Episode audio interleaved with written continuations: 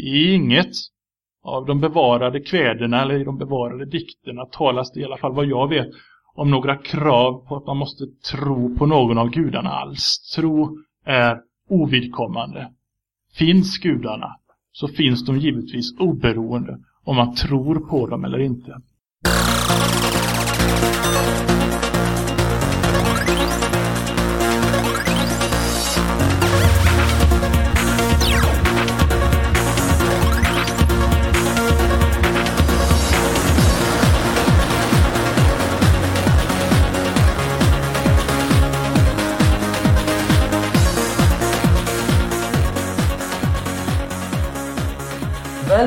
Podcasten Mellan svart och vitt. Och vi är ju egentligen den skeptiska treoenigheten i vanliga fall. Men idag så är vi faktiskt bara två. Och varför är vi det Thomas? För att vår kära vän tant Erik, han är lite krasslig. Eh, Men han hälsar att eh, snart så har han krafterna åter och kommer tillbaka vassare än någonsin. Och för de som inte känner igen mig så är jag alltså Dragan då. Och det är jag som är Thomas. Mm. Ja, eh, vi skulle egentligen köra aktuella händelser. Ja, fast Men eh, det här avsnittet blev väldigt, väldigt långt va? jag vet inte. Men det har väl inte kanske hänt något, höll jag på att säga. Nej, det har inte hänt sådär jättemycket förutom att tant Erik är då sjuk, Ja. men det har vi redan sagt. Det är väl veckans nyhet. Eh, jag föreslår att vi hoppar rakt in i huvudämnet. Absolut.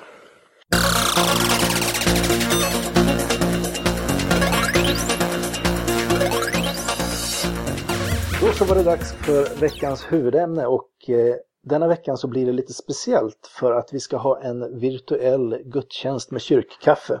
Och eh, vi är inte ensamma utan att vi har några gäster med oss och jag skulle vilja välkomna Andreas Kreutz och Jan Ahlström till Mellan svart och vitt. Tack så mycket. Tack så mycket. Välkomna. roligt att ha er här. Och eh, Andreas är här som dagens predikant. Och jag vet att du har läst till präst. Eh, även om du inte gick hela vägen ut. Eh, idag är du ivrig religionskritiker, sysslar mycket med litteratur eh, och sekulär hedendom. Ja, men det ringer ju in mig precis alltså. Det är rätt bra. Ja, ja. Och eh, John, du är pastor i Fjällstugan, Andreasförsamlingen i Jönköping som tillhör samfundet Ekumeniakyrkan. Ja, det stämmer. Och påläst du är också. med tanke på Equmeniakyrkan. Det är ju helt nytt ju. Ja, vi pratade om det. Du vet, till och med Dragan vet ju vad Ekumeniakyrkan är, eller hur? Jag vet att det är något nytt, men var det kom ifrån, det har jag glömt. Vilka tre samfund? Ja, det, eh, där är nog... Eh, där får du kanske klippa bort, vad vet jag. Men där är nog jag och Dragan ungefär på samma nivå. Men det, det är alltså det är Missionskyrkan, det är Baptistsamfundet och det är Metodistkyrkan som gick samman här nu då. För ett par Ja, år sedan. nu så heter de Equmeniakyrkan. Som då syftar på ekumenik. Ehm, bakgrunden till veckans gudstjänst är att jag eh, följde Twitterfeeden lite grann där Andreas och John eh, pratade och Andreas föreslog att han skulle få predika 20 minuter i Johns församling. Eh, jag tror det här rann ut i sanden lite och jag tog genast upp tråden och hörde av mig till Andreas och föreslog att han kunde få hålla en 20 minuter lång predikan här i Mellan svart och vitt. Och eh, passar också med att bjuda in John att vara med på kyrkkaffet efteråt. Och eh, vi har absolut ingen aning om vad Andreas kommer att predika om. Han har fått helt fria händer att eh, leva ut sin vision om vad han skulle säga från predikstolen. Så att jag säger så här, låt kyrkklockorna ringa, eller som Dragan skulle ha sagt, kick it.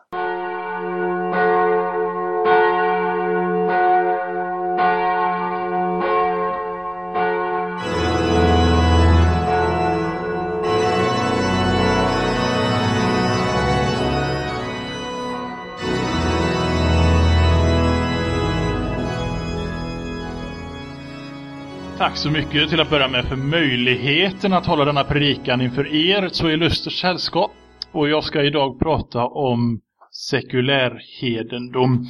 En form av ateistisk livsåskådning som hämtar kulturell förankring i fornordisk sed, myttradition och historia. Jag kommer att jämföra denna de fria viddernas livsåskådning med de torra ödemarkernas judeokristna religiositet. Det ska då först bli sagt att frågan om den judeokristne gudens existens eller några andra gudars existens i sak är ointressant. Diskussioner av det slaget är, förblir lika fåfänga som att argumentera för att Marduk, Arinna, Baal, Sekmet eller andra antika gudagestalter existerar och det än idag. Vad jag intresserar mig för är myterna som poesi. Att hantera livet utifrån som redskap för livstolkning. Och då finns det betydligt mer givande, mustiga och intressanta berättelser att använda sig av än de obehagliga myter som den judeokristna religionen erbjuder med sin lynniga och osympatiska Javé. För min del hittar jag mina mytologiska livstolkningsimpulser i fornordisk kultur, tro och tradition. Och de passar mig så oändligt mycket bättre än den kristna religiositetens myter. Jag kan använda de kärva, mustiga fornordiska sägnerna och den kultur de berättades i som inslag i ett slags baslivsåskådning utan att för den sakens skull tro på några gudars faktiska existens alls. Den fornordiska kulturen är något väsensskilt från de kristna parasitartade idéerna som missfärgar allt de kommer i kontakt med. Den fornordiska kulturen, den norröna kulturen, vet inte av någon synd med metafysisk, kosmisk betydelse. Den saknar ett helvete i kristen mening. Den fornordiska kulturen vet inte av någon frälsare som kräver tro för att ha makt att frälsa. Den fornordiska kulturen vet inte av någon metafysisk gud som behöver en plats bortom den fysiska verkligheten att gömma sig på för nyfikna människoblickar. I norrön tradition har vi en mycket livsbejakande kultur. Det är livet här och nu som är relevant. Vad som händer efter döden är på det stora hela ointressant. Det som kommer sen är för de fornordiska människorna ur fokus. Myterna talar om Valhall för ett fåtal kämpar. Andra texter talar om ett dödsrike som verkar likna grekernas Hades. Och åter andra texter talar om de döda som om de fortfarande var bundna till sina gravar på den egna gårdens mark. Men det som i egentlig mening, i en norrön tradition, synes finnas kvar när någon har dött, är minnet. Och det ska hedras om det är gott. Den äldre Eddan säger Fä dör, fränder dö, även själv skiljes du hädan. Men eftermälet aldrig dör för en var som ett gott har vunnit. Och så illustreras på ett vackert sätt poetens medvetenhet om att allt, allt dör men minnet av den döde lever kvar bland de ännu levande. Det är minnet som lever efter döden. Det klingar så väl i harmoni med Ciceros ord. De döda är levande i de levandes minnen. Människorna i norrön kultur döms inte efter någon en gång för alla fastslagen gudomlig lag. Det finns ingen nedskriven gudomlig lag. Det är rätt som av folk uppfattas som rätt helt enkelt. Hur man ska bete sig lämnar gudarna tydligen åt folk att komma överens om själva. De lägger sig inte i det. Den typ av dualism som finns i kristendomen med den allgode guden och den helonde satan finns inte heller i norrön tradition. Ingen skulle någonsin ha kommit på tanken att föreslå att gudarna själva vore ofelbara. Gudarna i myterna utför bragder men har också laster och mycket av dynamiken i gudamyterna kommer sig av gudarnas förmåga att vara mänskliga till sinnet om än på en upphöjd nivå. Gudarna i fornordisk tradition framstår som en slags övermänniskor med fantastisk makt, fantastiska styrkor och fantastiska insikter. Men de är inte odödliga. Och de är inte sterilt allgoda som Javé och tråkmånsen Jesus. Jättarna som personifierar kaosmakterna är inte nödvändigtvis helonda varelser de heller, fastän de är gudarnas fiender. Man kan i myterna mycket väl resonera med dem, dra nytta av dem Och på så sätt finns inte heller den absoluta ondskan i den fornordiska mytvärlden. Begreppen får stanna hemma där de hör hemma, i abstraktionernas värld, i kristendomen. I norrön kultur, alltså i fornnordisk kultur, så skulle föreställningen vara direkt löjeväckande att man behöver tro på gudarna för att nå någon slags evigt liv. De krigare som tas upp till Valhall för att vara med i den sista striden mot kaosmakterna blir upptagna dit på grund av sin skicklighet som krigare, inte som en särskild nåd. I inget av de bevarade kväderna eller i de bevarade dikterna talas det i alla fall vad jag vet om några krav på att man måste tro på någon av gudarna alls. Tro är ovidkommande. Finns gudarna så finns de givetvis oberoende om man tror på dem eller inte. Och i övrigt verkar gudarnas ynnest varken göra till eller från för människornas eviga väl. Man gynnas i det timliga av att man blotar till rätt gudar. Men kristendomens stora paradgren, att bjuda ut ett evigt liv bara man tror i detta livet, det existerar inte i det hedniska Nordens föreställningsvärld. Den fornordiska kulturen baserades inte på skriftliga urkunder, på texter. Det var en muntlig kultur. Utan läror och utan dogmatik.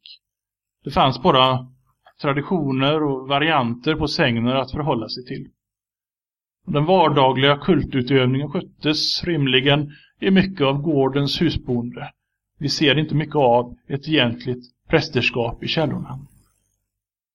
Och eftersom inga skriftliga urkunder, inga texter reglerade religiositeten och kulturen kunde livsåskådningen aldrig stelna till och bli steril. Inte heller har det funnits något utbyggt system av förkunnare som, som, som då har haft en konserverande funktion på vad som ansågs höra religionen till. När sammanhang ändrades, ändrades religiositeten och kulturen. Nya gudar kom till, andra gled i bakgrunden, allt eftersom vad som passade tiden. Till exempel vittnar kanske den nordiska hedendomens två gudasläkter, asarna och vanorna och någon slags kulturutbyte mellan två folkslag någon gång under folkvandringstiden. Och så förvandlades religionen. Torsgestalten kan man möjligen spåra flera tusen år tillbaka i tiden medan ordensgestalten införs och etableras i religionen relativt sent. Den hedniska religionen och kulturen har alltså genom sin frånvaro av strikt dogmatik och sin muntliga karaktär möjlighet att hela tiden anpassa sig, hela tiden följa med sin tid. Det är en kultur för människor, inte en mall för dem. Och som sån så kan den fungera i och anpassa sig till även vår egen tid. Den fornordiska religionen var inte separerad på världen på det vis som den inträngande ökenreligionen var med sin begreppsapparat och teologi. I norrön kultur är naturen ständigt närvarande. Man kunde tillbe, blota i skogen och allehanda väsen levde under stenar, under jorden, vid vattnet. Ett djur kunde vara din fylga som följde dig genom livet som en parallellsjäl. Sägnerna var vanliga om människor som har förmåga att anta djurskepnad, som bärsärkarna som ibland kunde dyka upp vid sammandrabbningar som björnar. Så är religionen, den fornordiska religionen och kulturen med den, nära sammanbunden med jorden, med träden, med stenarna, med allt som rör sig och är stilla i den värld som Nordbon såg. De två, naturen och religionen, kulturen, kan knappast skiljas från varandra. Och inte ens de mytologiska platserna trodde man låg bortom den fysiska verkligheten. I begynnelsen skedde inget övernaturligt tänkte man, utan också där var orsakerna till världens skapelse naturliga. I mötet mellan gnistor från Muspelheim och dimmorna från Nifelheim påbörjades en process som till sist mynnar ut i världens skapelse av jätten Ymers helt och hållet fysiska kropp. Norrön religiositet är dessutom helt ointresserad av mission. Kristendomen har spritts över världen via svärd, demagoger och propaganda. Men den röne hedningen är nöjd med att själv ha sin egen livsåskådning och bryr sig tydligen inte alls om huruvida den sprids till andra eller inte. Blir någon intresserad av det sätt som man lever på, de värderingar som guidar honom, så är väl det bra. Men gör ingen det så är det deras förlust. Gudarna säger ingenting i sägnerna om att deras kult ska spridas till alla folk och länder eller än värre att alla folk ska göras till deras lärjungar.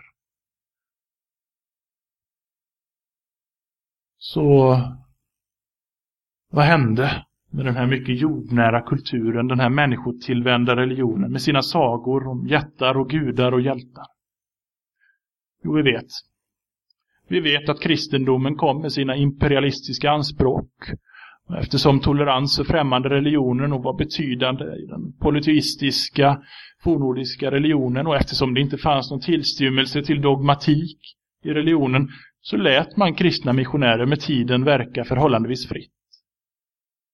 Men så snart de kristna förkunnarna bitit sig fast och herrarna i landet börjat låta döpa sig på europeiskt maner så var spelet över för de gamla gudarna. Förstarna och hövdingarna de såg handelsförmåner framför sig och status i att ansluta sig till den internationella kristna kulten. Och med dem kristnades deras underlydande folk. I Werner von Heidenstams Folkungaträdet så får Blodsven säga träffande. De som vilja uppåt mot ära och makt veta nog vad de böra i en tid då alla konungar låta döpa sig.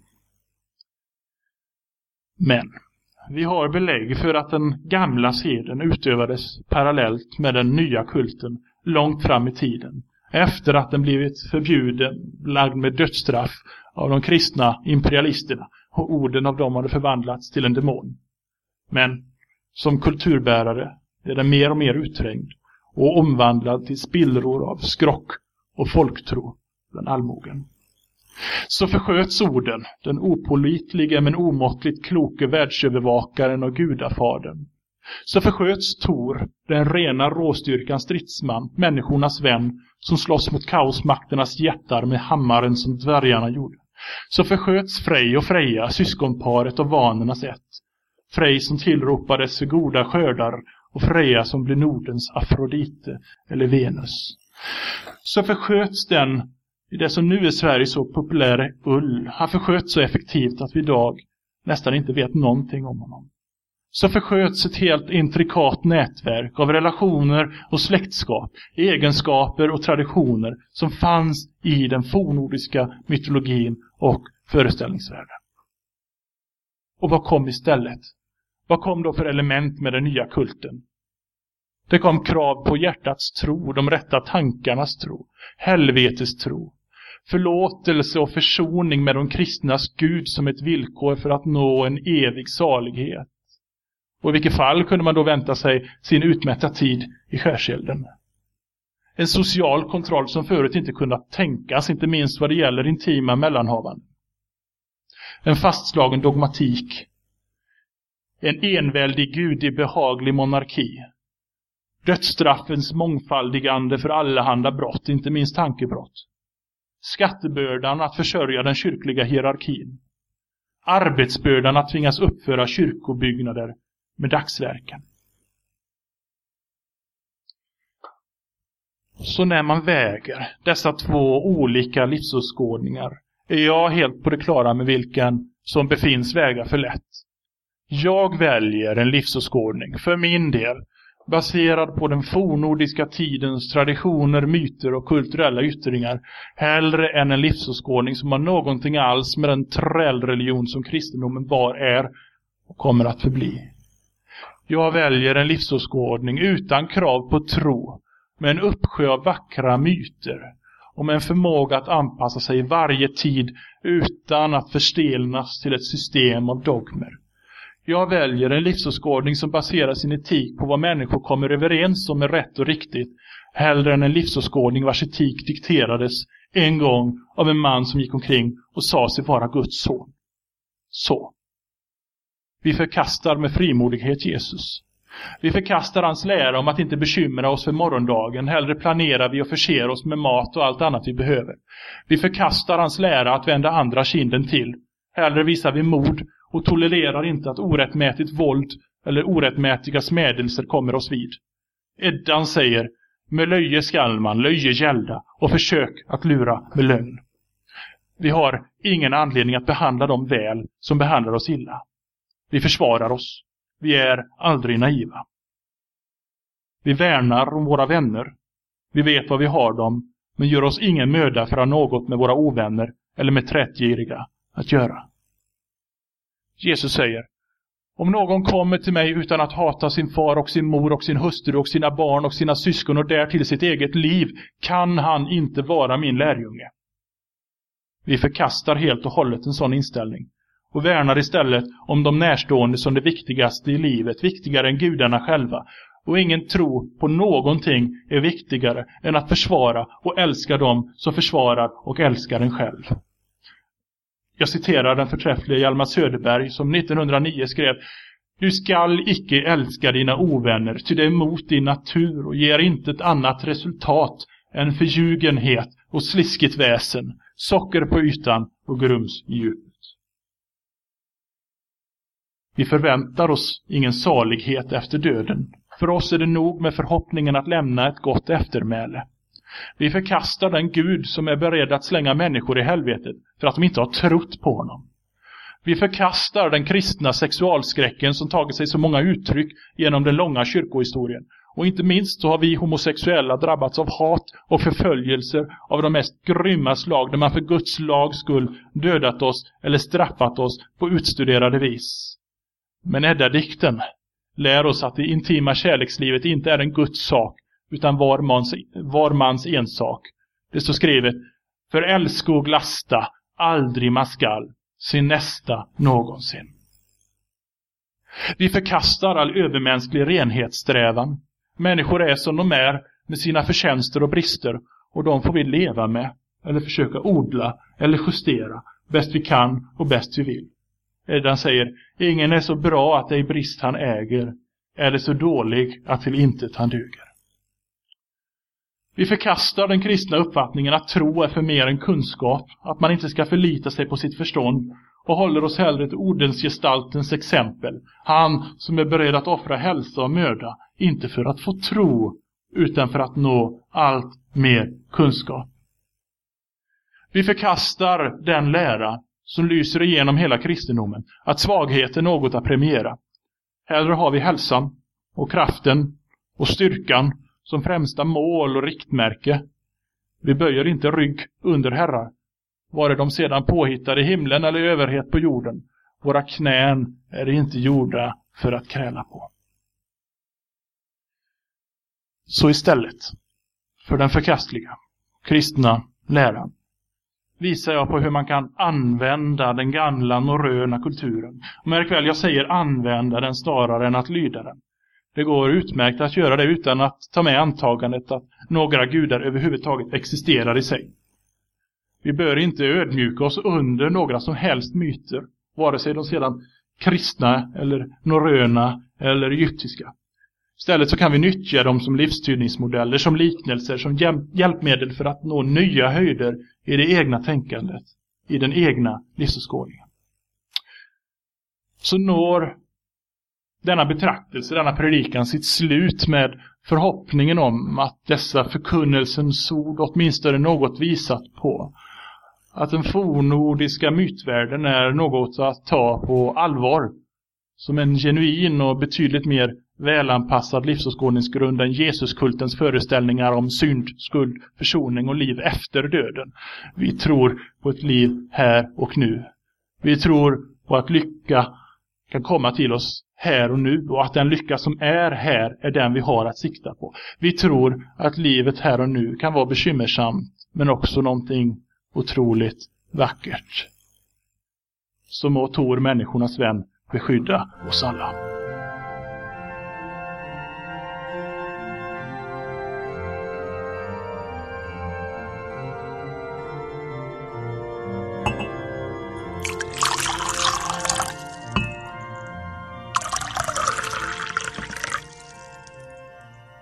Tack så mycket. Ja, då sätter vi oss ner för lite kyrkkaffe så här efteråt. Och, um, Andreas, det var verkligen en ovanlig predikan. Tycker du det? Ja, du höll tiden.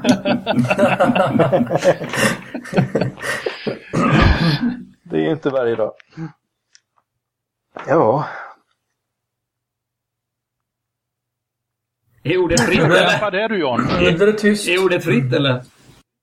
Ja, ordet är fritt. Nej, men jag tycker det är eh, Thomas att eh, nog var väl inte tiden det som var det ovanliga.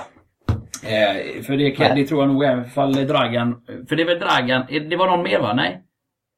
Nej, Erik är Han är sjuk, sjuk. okej. Ja, det var därför jag tyckte det var någon som sa Eh, det, det var väl inte det, det, det eh, ovanliga var väl inte tid, att han höll tiden utan det ovanliga var väl att en sån här predikan har jag aldrig hört i en kyrka någon gång tidigare. Det kunde ha varit i din kyrka John. Ja, det, ja absolut jag har inte stängt dörren.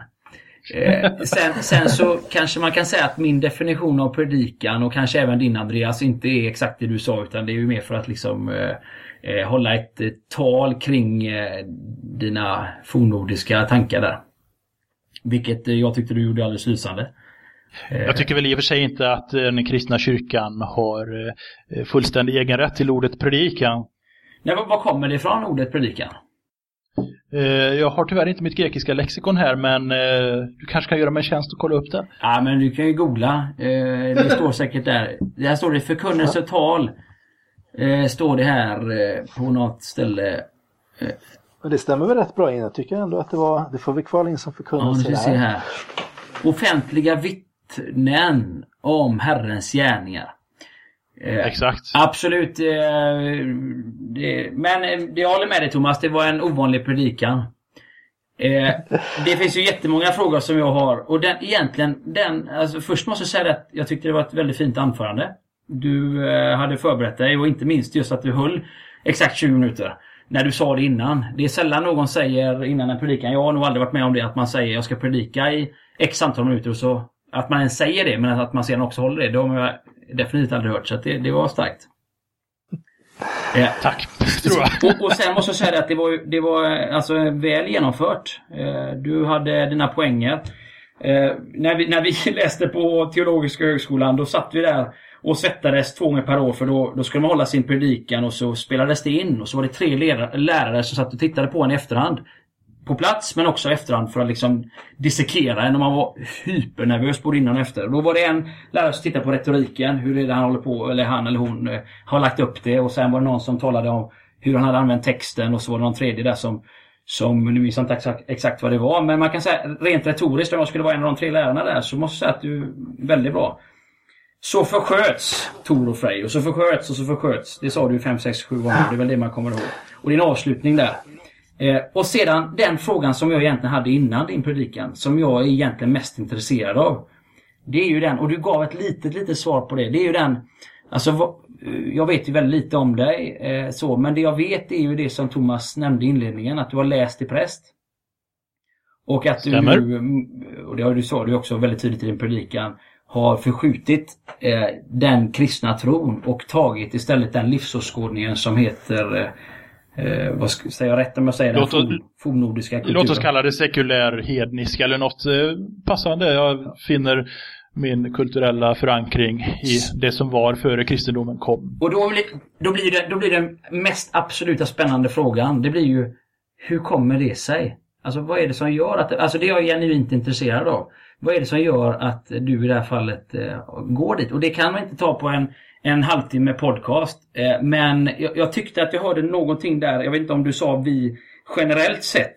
Men du sa så här, eh, när vi homosexuella har blivit förskjutade, sa du. Där kom det. Är det så eller? Nej. Det har ingenting med saken att göra faktiskt. Nej. Eh, Om jag lyckades hantera min eh, homosexualitet inom de mest konservativa kristna sammanhangen inom Svenska kyrkan under många, många år så var det inte heller det som fick mig bort ifrån tron.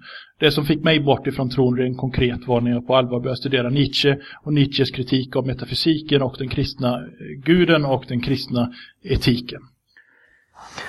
Men eh, Andreas, du säger ju här i ditt anförande att eh, eller vi behöver ju de här berättelserna för att relatera till vårt liv. Alltså, då tänker jag ju från min bakgrund, de, de bibliska berättelserna, att de har en betydelse för oss att, att, eh, ja, att tolka oss själva och som vägledning eh, etiskt och moraliskt. Och enligt dig här så är ju de fornnordiska berättelserna eh, betydligt bättre eller ja, vad man nu ska säga, mer givande. Och jag, jag bara undrar med dig, tror du, att, tror du att de här berättelserna kommer att få en större betydelse i, inte alls. i framtiden? Inte alls. Inte alls. Jag tror på religionens fullkomliga död, även den fornordiska religionens död med tiden. I alla fall i den form som vi känner den nu i form av eh, myter och eh, församtalande av myter och så. Jag tror att folk i allt större utsträckning kommer att finna sina livstolkningar i, i poesi till exempel eller i andra senare berättelser. Eh, men eh, min förhoppning är och min övertygelse är att det fortfarande kommer finnas många människor som söker tröst och ledning i de berättelser som är gamla. Eh, men, men har de här berättelserna haft en stor betydelse för människors liv? Eller har det mest varit, jag säga, sagor? Du tänker på de fornordiska eller på de religiösa? Ja, ja de fornordiska. Jag, det är ju extremt svårt att säga någonting om det eftersom källäget är extremt dåligt och de källor man har är filtrerade genom kristna ögon, genom munkar och andra som, som tyckte att vissa historier varit värda att ta vara på. Därför är många av myterna har också fått en lite vad ska man säga, nedlåtande ton i sig. Man hade ju, vann ju ingenting på att lyfta upp den som föredömen. Eh, men jag tror att man ska säga från en rent vetenskaplig synvinkel så de flesta av de myter vi känner igen från den fornordiska tiden eh, är sådana som förekom i, i den allra mest aristokratiska delen av befolkningen i Norge, i Sverige, Danmark och framförallt på Island.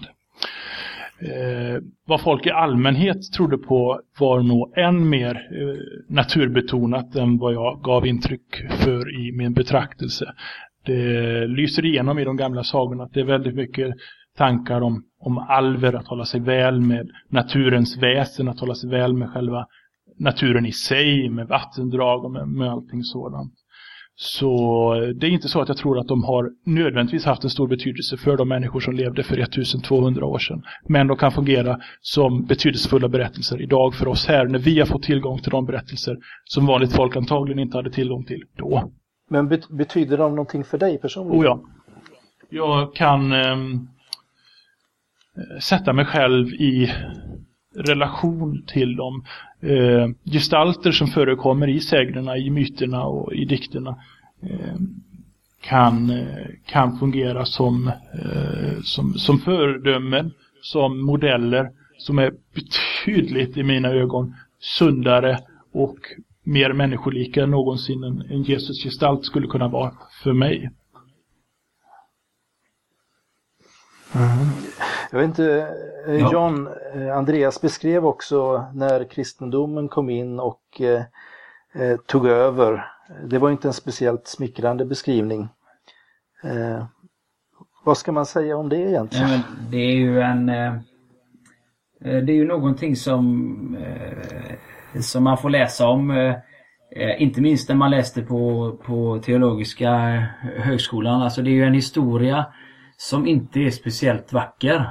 Eh, alltså en, en religion eh, eh, som är byggd på, eh, på kärlek ska inte använda svärd. Eh, en, eh, en, en person som har förändrat, eh, vågar jag ändå säga, eh, väldigt mycket av vår, vår kultur och varit den som vi faktiskt fortfarande räknar våra, våra år efter, alltså när vi är födda oavsett om vad vi tror på eller inte. Har ju varit en ganska betydelsefull person, betydelsefull person. Och det är klart att det är ju inte kul. Jag som pastor kan ju inte stå där och säga och försvara det på något sätt. Däremot så kan jag ju bara gå till mig själv eh, och se att, eh, att eh, det kärleksbudskapet som Jesus eh, talar om det har ju förändrat eh, skulle jag säga har förändrat stora delar av, eh, av mitt egna liv. Eh, och eh, det är ju fantastiskt. Fast där är man ju oerhört partisk. Men en gång i tiden Andreas så, så kände du också kärleksbudskapet från Jesus? Svaret är ja. Ja. Eh, det var som så, det är egentligen en väldigt lång historia det också, men jag, jag kom till tro under min konfirmationstid.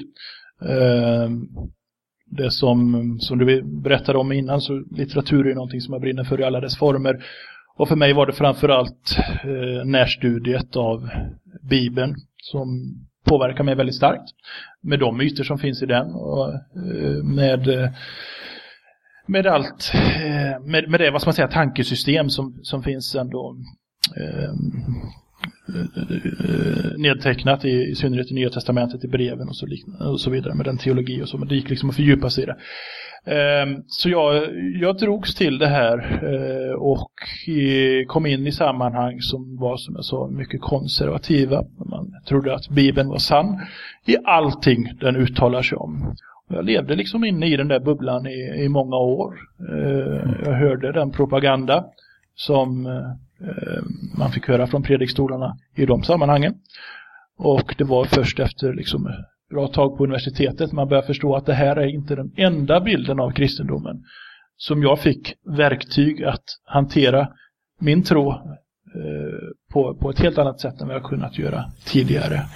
Och helt plötsligt så är inte Jesus bara den där personen som eh, kommer och älskar oss, utan också den person som säger att han inte har kommit med fred till jorden utan med svärd för att ställa en man mot hans far, en dotter mot hennes mor, en sonhustru mot hennes svärmor och så vidare.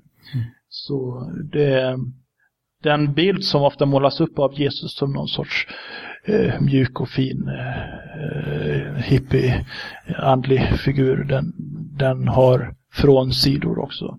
Det är väldigt viktigt att, att ha med det i bilden. Mm. Är det så John att eh, vi eh, att man i kristna sammanhang eh, ibland gör Jesus för mycket till en teddybjörn? Jo men det, det, så kan det nog vara. Så kan det vara att man man eh, eh, ja, så, så kan det säkert vara alltså.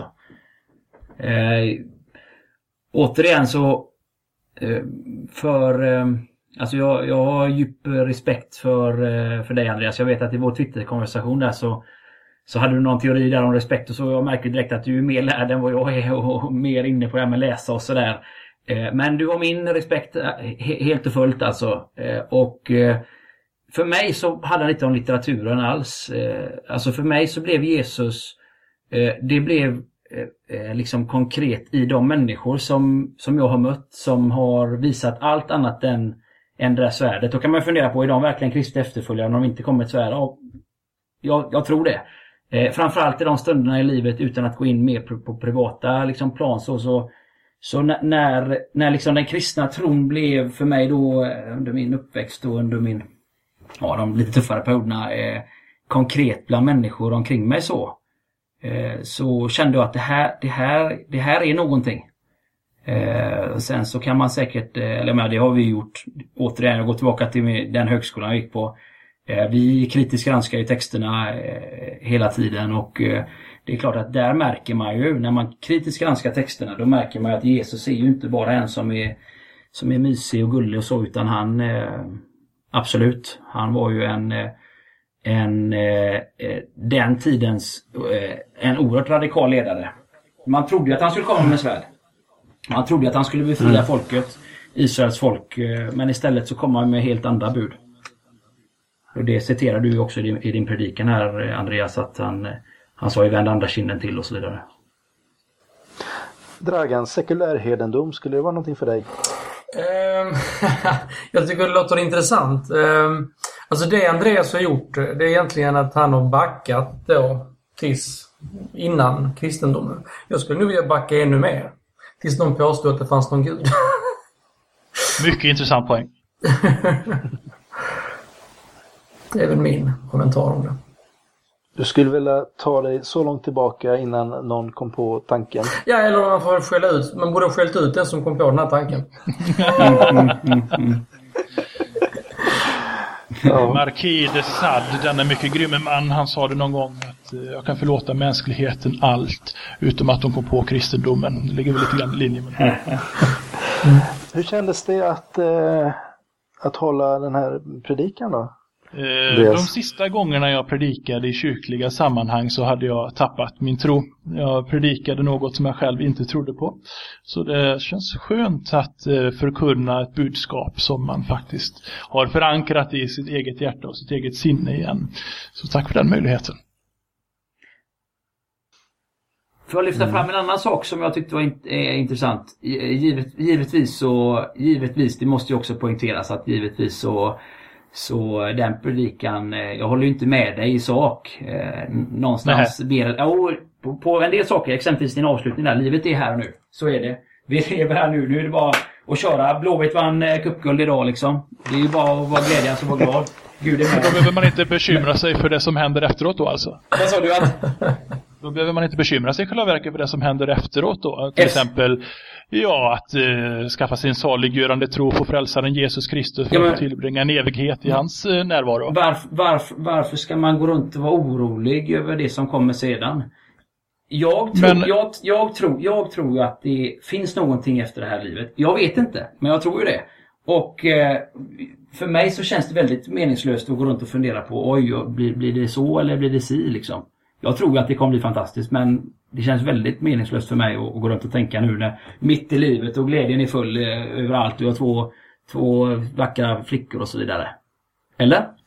Men, men John, du är ändå på något sätt eh, eh, ja, du känner väl på något sätt ändå en tillförsikt över att eh, att du, eh, att du är frälst eller att du är räddad och då behöver du väl kanske inte bekymra dig så mycket men en annan person som, som inte riktigt vet om det ska gå åt helvete eller inte eh, kanske inte är lika lugn. Nej, så kanske det.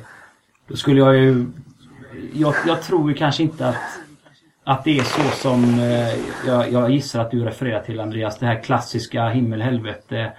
Eh, där du eh, måste säga ja precis innan du dör, liksom att du kommer på rätt sida. Jag tror, jag tror nog, jag tillhör nog en av dem eh, som, som är mer inne på att eh, eh Guds kärlek den är så stor så att varför skulle han i så fall skapa den här jorden och skapa alla de människorna eh, och så skulle bara för att förgöra dem.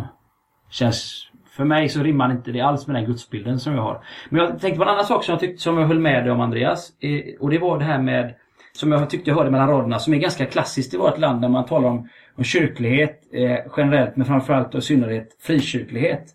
Och det är ju det här med tvång.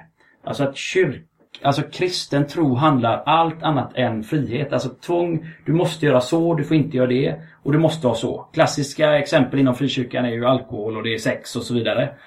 Medans eh, det man egentligen hör Jesus säga det är ju eh, Jag har kommit med frihet. Och den som tror på mig den ska vara fri och så vidare. Och så ser man på Nordens kyrklighet där det ofta förknippas med just tvång, precis det du säger. Och det har man ju känt av själv också. Och så ser man på eh, kyrkan i övriga världen när den växer i Afrika och där den växer i Sydamerika och där den växer i eh, Asien och där den växte, om man säger så, slutet på 1800-talet eh, med frikyrkan på, på slutet på 1800-talet där det handlar om allt annat än tvång och egentligen bara om frihet. Och där tycker jag vi har en självkritik i kyrkan idag att, att faktiskt göra upp med det där. Eh, att faktiskt ta det på allvar. Varför det har blivit så, det tror jag har med mycket med människans liksom någon slags girighet som ligger i människan att man ska minsann ha, ha koll på läget och man, man vill ha det på sitt sätt. Men där, där, där trycker du på en väldigt viktig punkt och där tror jag att vi som kyrkor måste lyfta fram det budskapet ännu mer. Gud han har inte kommit... Ja. Vad är det då för frihet ni är kallade till? Får man nu ha sex utanför äktenskapet? Får man leva tillsammans med en annan person av samma kön som man själv? Får man svära? Får man ha den friheten? Ja, men, men, men alltså, det är, precis, det är precis det som är, det är precis det som är, är liksom, eh, om man nu säger så, jag tror frågan är mycket djupare än de här eh, ytliga sakerna. Samtidigt så är det klart att det har ju med det att göra också. För det, det, det så det är en ytlig sak om man får leva tillsammans med den person som man älskar då till exempel? Nej, det är inte så jag säger. Eh, utan det jag säger är att om man läser i eh, Nya Testamentet, om man läser egentligen hela Bibeln, så handlar det ju oerhört mycket om frihet. Läser man om eh, de gamla testamentet, alltså Israels folk och så vidare, så handlar det om frihet. läser man om vad Jesus skulle komma och göra med folket Israel, Israels folk där de satt i fångenskap så handlade det om frihet. Kom, Frihet från vad? frihet från fångenskap. Och sen har, vi, sen, sen har ju vi i vår, sen har vi i vår kyrkliga tradition tolkat in det som att Ja men då, vad, vad är liksom fångenskapen idag? Och då har man så tagit de här olika, jag säger, jag säger, jag vill egentligen inte gå in på de frågorna överhuvudtaget för då fastnar vi direkt i ett dike. Utan jag vill gå, försöka gå djupare, om det går Andreas. Om, bara om det går. Försöka gå djupare. Och, och i så fall fundera på vad är det vi som kyrka idag ska komma med frihet till? Bara ett kort, kort exempel. När frikyrkan växte fram i Sverige, den första fri, alltså det vill säga den som inte tillhörde Svenska kyrkan var ju en baptistförsamling på västkusten i Vallersvik. Vallevik, jag minns inte exakt om det är Vallersvik eller Vallevik. Eh, där, och det var den första eh, församlingen eller gruppen eller gemenskapen där män och kvinnor hade lika rösträtt. Jag minns inte om det var nio eller om det var åtta stycken eller något sånt där. Och sedan, var, när blev det röst, kvinnlig rösträtt i Sverige? Var det 1921 va? Eller var det 17? Det borde Det någon, någon av er kunna. Alltså tr- 30-40 år senare så, så gick samhället och insåg men det är klart att kvinnor också ska få rösträtt. Och där tänker jag att eh, det var en sån fråga där man gick i bräschen. Sen håller jag med dig när det gäller eh, HBTQ-frågor och så, så är kyrkan raka motsatsen i många av de, av de frågorna. Eh, men vad finns det för andra saker där vi kan hjälpa människor? Och där, du trycker ju direkt på de, de sakerna som, eller svära och så tror jag inte det är så stor, spelar stor roll. Det är för övrigt, de flesta svordomarna kommer ju från Bibeln själv. Men när det gäller de här andra sakerna som, som sexualitet och sådär så, så eh, har kyrkan legat väldigt långt bak liksom. Vad finns det för andra saker där vi kan hjälpa människor? Vi ser i vårt land idag, titta på Husby, titta på, titta på alla de andra sakerna i, i vårt land där, där det är människor som far illa. Hur kan Men kyrkan... låt mig, då, eh, låt mig då, om du menar att kyrkan ligger långt bak när det gäller frågan om sexualitet och liknande. På vad sätt kan kyrkan hantera de frågorna annorlunda? Kan man bli mer progressiv i pingstkyrkan till exempel?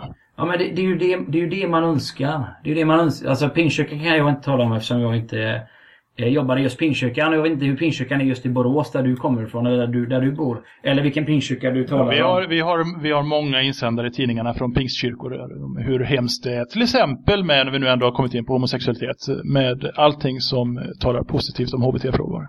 Ja, Därför referensen. ja okej.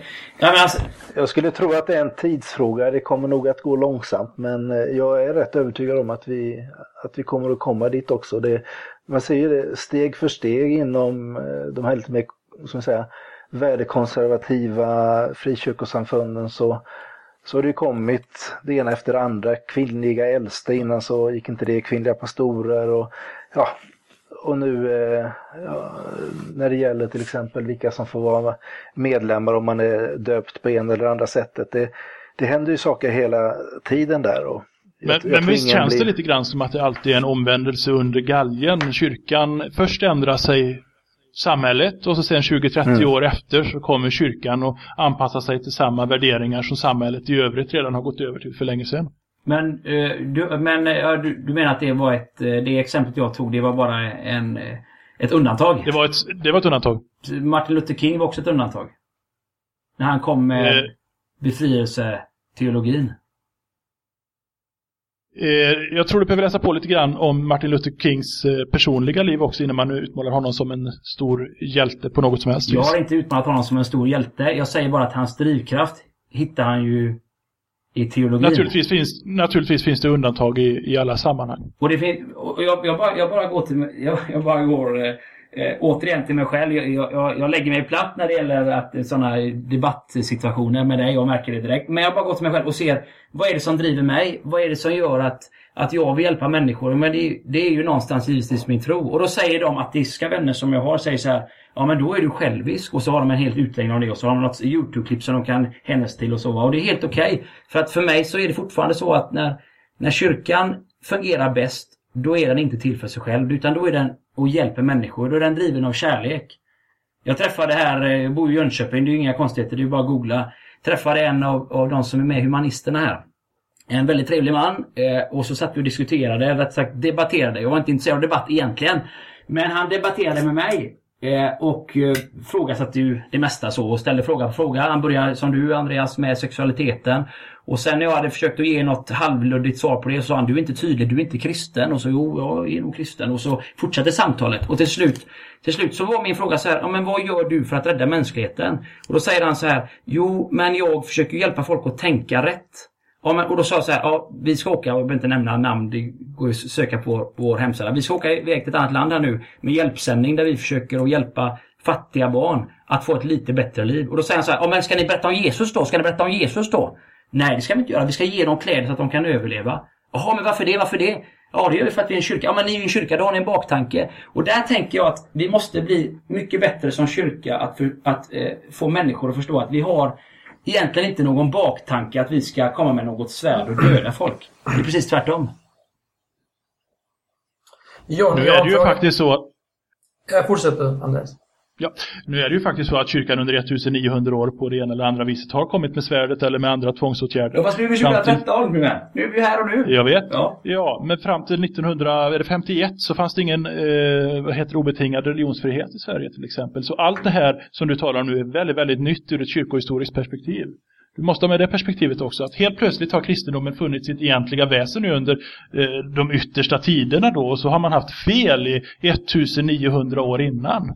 Det klingar falskt i mina öron. Bättre sent än aldrig kanske? Ja, ja, Ja, ja, faktiskt. absolut. Jag håller med dig. Men alltså, det är väl jättefint att eh, kristna människor åker iväg och, och, och stödjer fattigare människor. Det är ju en humanitär, humanitär gärning som bara kan lovordas naturligtvis.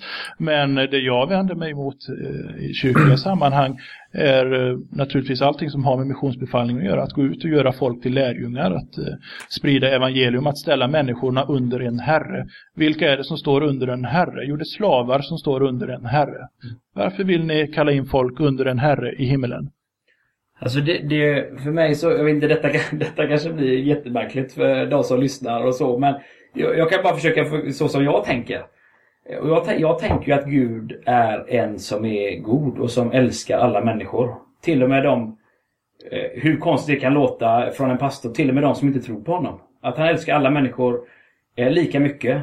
Och, och har man den gudsbilden att Gud är en kärleksfull Gud som älskar alla människor, då jag som människa, vad, är, vad blir mitt uppdrag? Vad blir mitt uppdrag som lärjunge? Jo, det är att sprida det eh, glada budskapet. Vad baserar du den eh, trevliga gudsbilden på? Jag menar om vi till exempel går till den Gud som du talar om och som du tillber och som också har sin uppenbarelse i Gamla Testamentet där han eh, faktiskt talar om att man ska stena olydiga barn och man ska stena homosexuella och man ska eh, inte ha på sig kläder av två olika sorters tyg. Eh, är det samma Gud som du tillber och kallar din Herre? Eller är det en annan Gud? Jag skulle säga att det är samma. Så då tyckte Gud en gång i tiden att det var helt okej att stena, stena olydiga småbarn till exempel. Jag, så här tänker jag att Vad är kärleken där? Så, så, här, så här tänker jag, så här tänker jag att, eh, och det här skulle kunna bli ett eh, hur, hur långt program som helst. Och jag har inte alla svaren och du...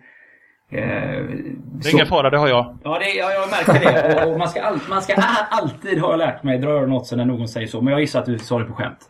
Eh, Jo, då, då, tänk, då, tänk, då, tänker jag, då tänker jag så här att eh, Bibeln, jag tänker så här. Jag kanske får en del eh, teologer på mig och säger, som säger att det har du fel i och så. Men vi, vi tänker olika och det, det är det som är fantastiskt. Att vi får tänka olika. Vi får kritisera och vi får se, kritiskt granska Bibeln. Jag tänker så här att Bibeln är skriven av människor inspirerade av Gud.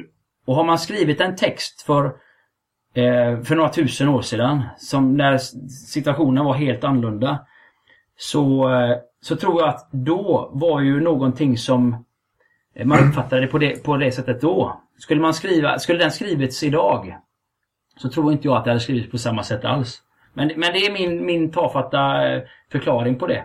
Jag, jag skulle nog kunna säga så här att, att min kristna tro bygger ju lika mycket på, som jag var inne på tidigare, att det faktiskt har gjort någonting med mitt liv. Att det har någonting med mitt liv att göra. Eh, hade inte jag i de stunderna när, det, det kanske låter konstigt, jag vet inte, men de stunderna när livet var tufft. Hade jag då inte liksom känt någonting eller mött människor som hade hjälpt mig och framförallt liksom känt att någonting är det här som stödjer mig. Eh, då hade jag aldrig haft den här tron. Och då kan någon säga, ja, men då kan du lika väl tro på bananer eller vad som helst. Ja, men just där och då så var det så. Jag tror inte vi kan gå in eh, längre debatt i, eh, ja, Jag har en sista fråga här bara. Jag har en fråga här till John. Hur definierar du din gud? Men det var, det var eh, lite grann det som jag... Eh, eh, lite det som jag var inne på tidigare. En... Jag, jag definierar Gud som en människa, eller en som älskar alla människor. En som har varit själv längst nere ut, alltså Jesus Kristus som har varit ut... Eh, Alltså nu tänker jag mer på, alltså, är, det, är det en gubbe som sitter på ett moln eller är det ett väsen? Alltså vad är det för någonting? Alltså den definitionen. Det är en Hur ser den ut? Alltså för mig så... Jag, jag, jag har ju svårt att tänka mig att det är något som sitter på något moln eller eh, så eh, på det sättet. För mig så... Alltså min gudsbild den, den, den varierar lite grann. Alltså den, den förändras. varierar? Den, för- Okej. den, det förändras med liksom med livet tror jag. Eh, men jag tror att grunddraget i den guden det är just det där en, en som håller mig på... Detta blir billigt talat men en som håller mig på axeln och när eh, livet eh, håller på eh, Ja, man vet inte riktigt vad man, hur, hur, hur det går sådär så är det någon som ändå pekar framåt och säger att jag, jag, jag är med dig liksom. Jag står bakom dig och jag är med dig. Jag vet inte, det, det kanske inte är något bra, det kommer väldigt spontant men, men så jag tror jag nog en, en gud som eh, som ser mig och som älskar mig och vill mig väl. Och... Så att det, är inget, det är inte en gubbe på ett mål. Men jag är nog mer intresserad av... Eh, om, har du någon tanke kring det? Frå- Frågar du mig eller? Ja. Ja, nej, alltså jag tänker, alltså det finns ju väldigt många olika definitioner. Om, om man ska ta Tor då så finns det väl någon definition på Tor. Eh, som Andreas nämnde innan i sin predikan. Eh, hur han ser ut. Det finns ju de som säger att Gud finns i allting och man kan inte definiera honom. Så att säga. Är det, är det så du vill säga också? Att du kan, du kan inte ge någon definition egentligen för honom? Du tänker mer på när du förklarar hur Gud är, då är det mer hur han är, alltså vad han har för egenskaper. Ja. Jag, men, jag menar mer, är det ett, alltså en utomjording, vet vi alla hur den ser ut? De som, rallianerna, de, Ja, de tror ju på det va? Det är mer, mer konkret. eh, Jag tror, jag, tror inte, Bild. jag, tror, jag, även, jag tror inte att man kan vara så... Jag tror faktiskt inte man kan vara så konkret eh, när det gäller Gud. Eh, men, Okej. människan, människan försöker ju för att man vill ju ha allting eh, liksom, eh, kontroll sådär. Men jag, jag, jag tror inte det. Nu ser jag att de kommer här och dukar av. Det ska vara barnrytmik här eh, efteråt. Så att, eh, Barnverksamheten tar alltid för mycket tid i kyrkans verksamhet. Alltså. ja, precis. Men eh, vi får tacka så mycket eh, både Andreas och John att ni ville komma och eh, vara med oss idag.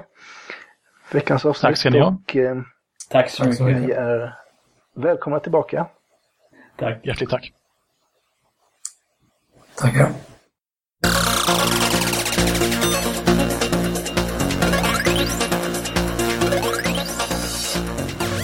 Och så var det dags för veckans musikinslag. Och eh, den här veckan är det ju min tur.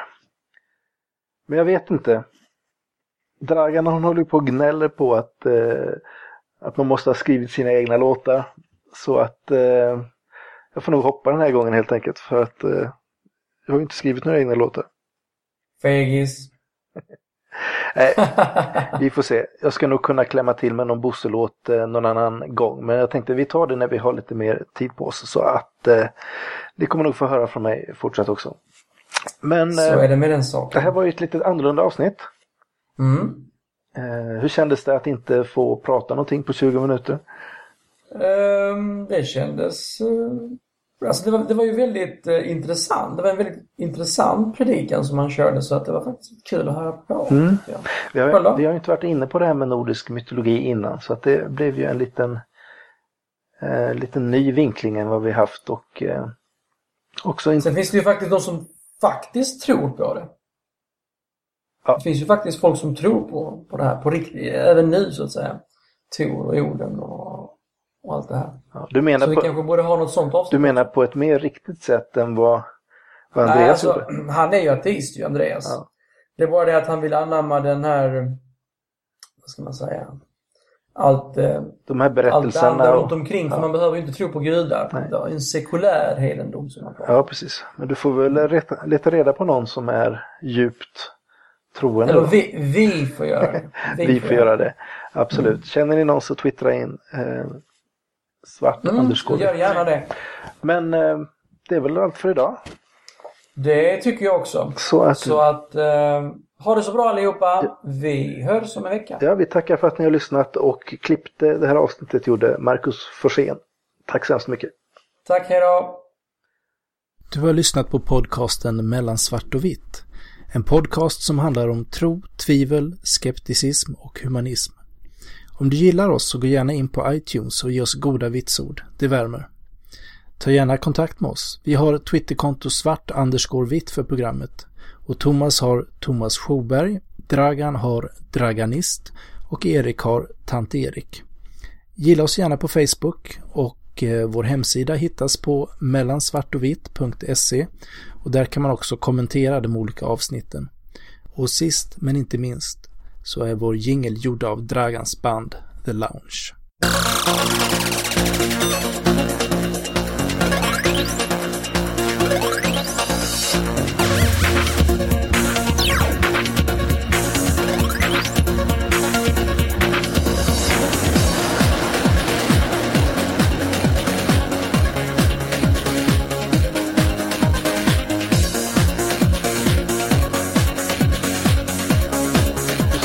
Skull.